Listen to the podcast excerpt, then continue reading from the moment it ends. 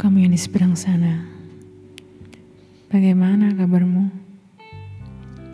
Kamu lagi di mana sekarang? Waktu aku membuat podcast ini, aku baru lihat di berita kalau penerbangan katanya udah buka ya.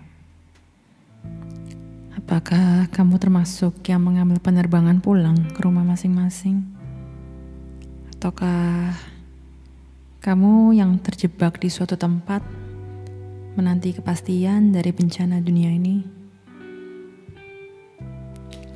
Sudahkah kamu bercakap-cakap dengan seseorang hari ini? Mungkin dengan ayah atau bunda, dengan pasanganmu, dengan buah hatimu.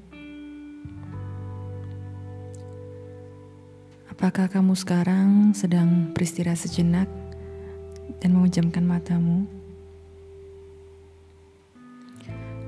Kalau iya, hari ini aku ingin membawamu ke dunia seseorang yang ku kenal. Seorang yang aku akan panggil dengan nama Lindung. Sekilas Lindung tampak tenang, kalem, dan pendiam. Sorot matanya sayu dengan senyum simpul yang manis. Hmm, jujur aku baru beberapa kali sih bertemu dengan Lindung. Dan setiap kali aku bertemu, aku selalu melihat rambutnya yang terikat, tertutup dengan kain yang bermotif ceria. Entah apa alasan dia memilih motif itu, Apakah hanya ala kadarnya? Ataukah sebenarnya motif ceria itu untuk menghibur hatinya yang lara? Lindung, apakah kamu sedang merasa dunia yang sekarang tidak adil buat kamu? Melihat Lindung mengingatkan aku bahwa tahun 2020 ini berbeda dengan tahun-tahun yang sebelumnya. Bukan berarti tahun-tahun sebelumnya lebih tenang, bukan. Tapi karena kekacauan yang biasanya hanya terjadi jauh di negeri seberang, atau mungkin hanya mengenai lapisan masyarakat yang tidak dihuni oleh aku ataupun kamu, kini terasa sangat dekat. Dekat sekali. Seakan-akan kemalangan akan sewaktu-waktu datang mengetuk pintu salah satu dari kita. Di tengah kekacauan dunia karena serangan hal yang tak tampak dan teror mental yang mencekam, serta kumpulan orang-orang yang dengan keinginan yang bercampur aduk, Lindung adalah salah satu prajurit yang berperang di garis depan. Ya, Lindung adalah seorang dokter. Ia bekerja di suatu rumah sakit besar di suatu kota yang teduh. Di bagian yang paling banyak terluka saat musuh menyerang. Dulu kalau waktu aku masih SD, bapak atau ibu guru itu suka bilang gini, kalau kamu jadi dokter, Jasamu akan besar, Nak, karena yang kamu tolong adalah nyawa. Lalu aku lihat anak-anak di sekitarku mengangkat tangannya, menyatakan cita-citanya sebagai seorang dokter. Tapi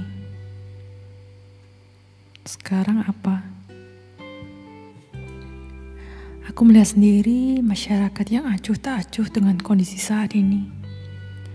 Kebohongan mungkin sederhana, tidak mengakui bahwa mereka menderita penyakit ini kepada tenaga medis yang sedang merawat mereka, sehingga seluruh isi rumah sakit dan orang yang terlibat di dalamnya harus terkena hal yang sama.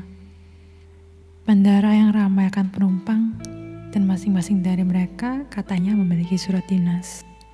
Apa sih yang salah dari menuruti protokol kesehatan? Kenapa harus diancam. Beredar pula video dari orang yang katanya adalah influencer. Tapi malah menyarankan masyarakat untuk tidak menuruti protokol kesehatan yang direncanakan oleh pemerintah.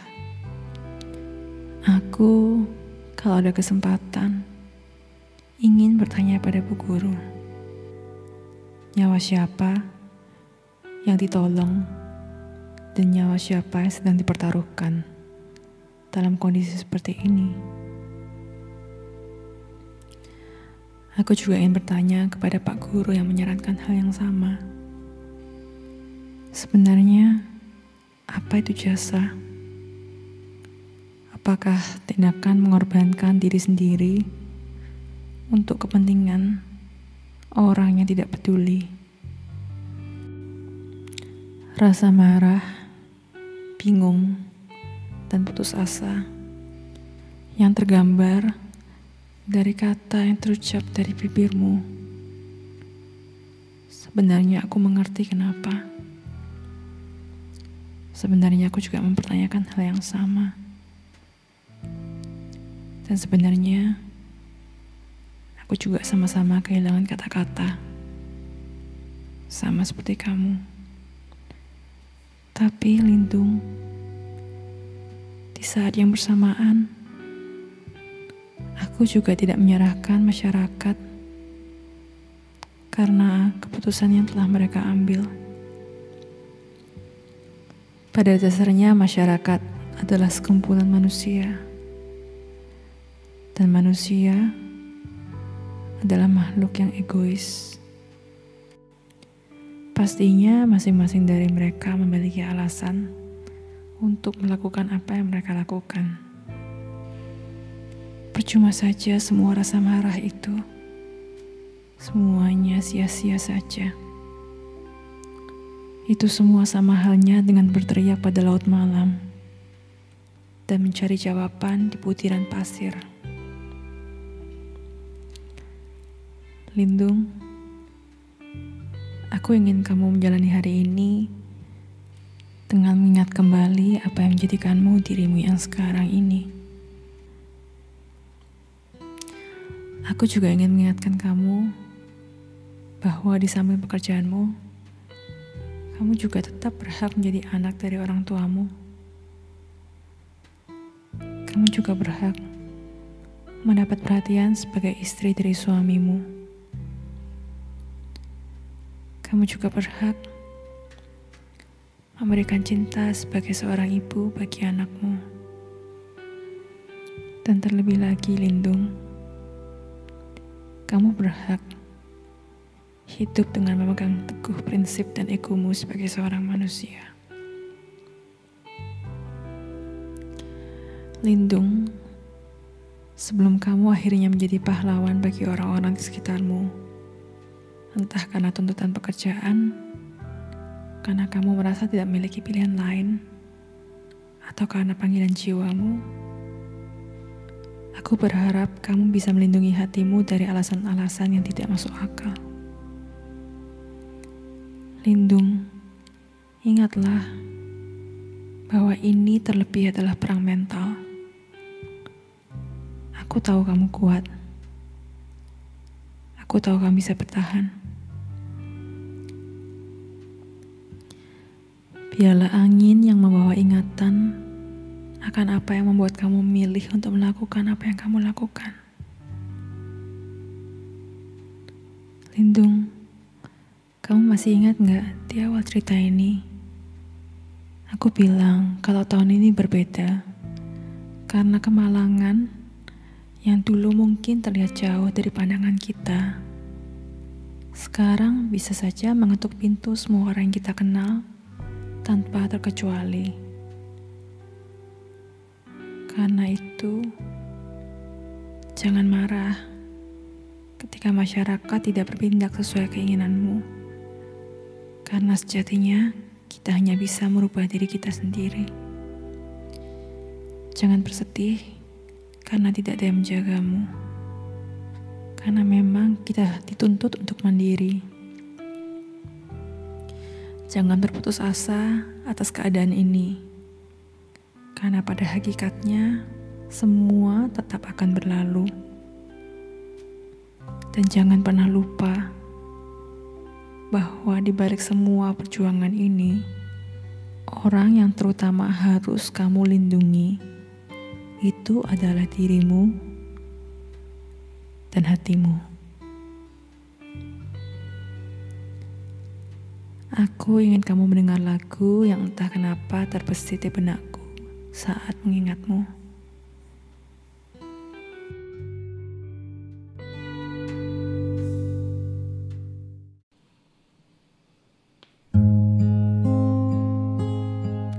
Rindu. Semoga lagu ini bisa menemani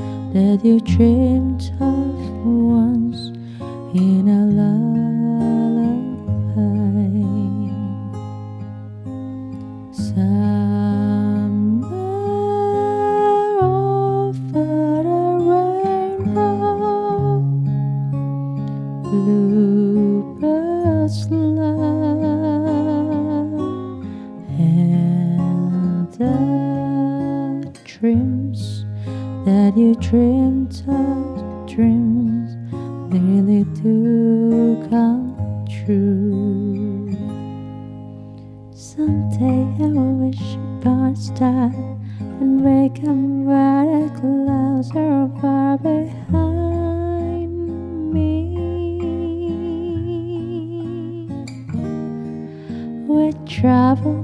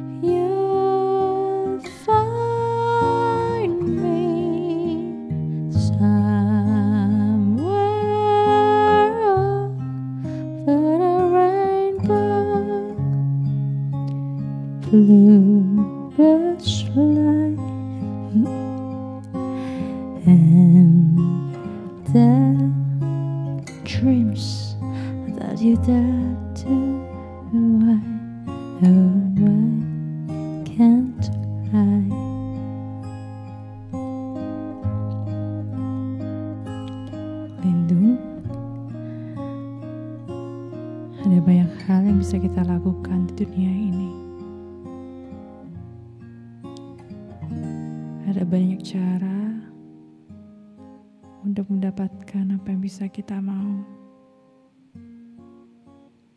Tapi nyawa kamu hanya satu.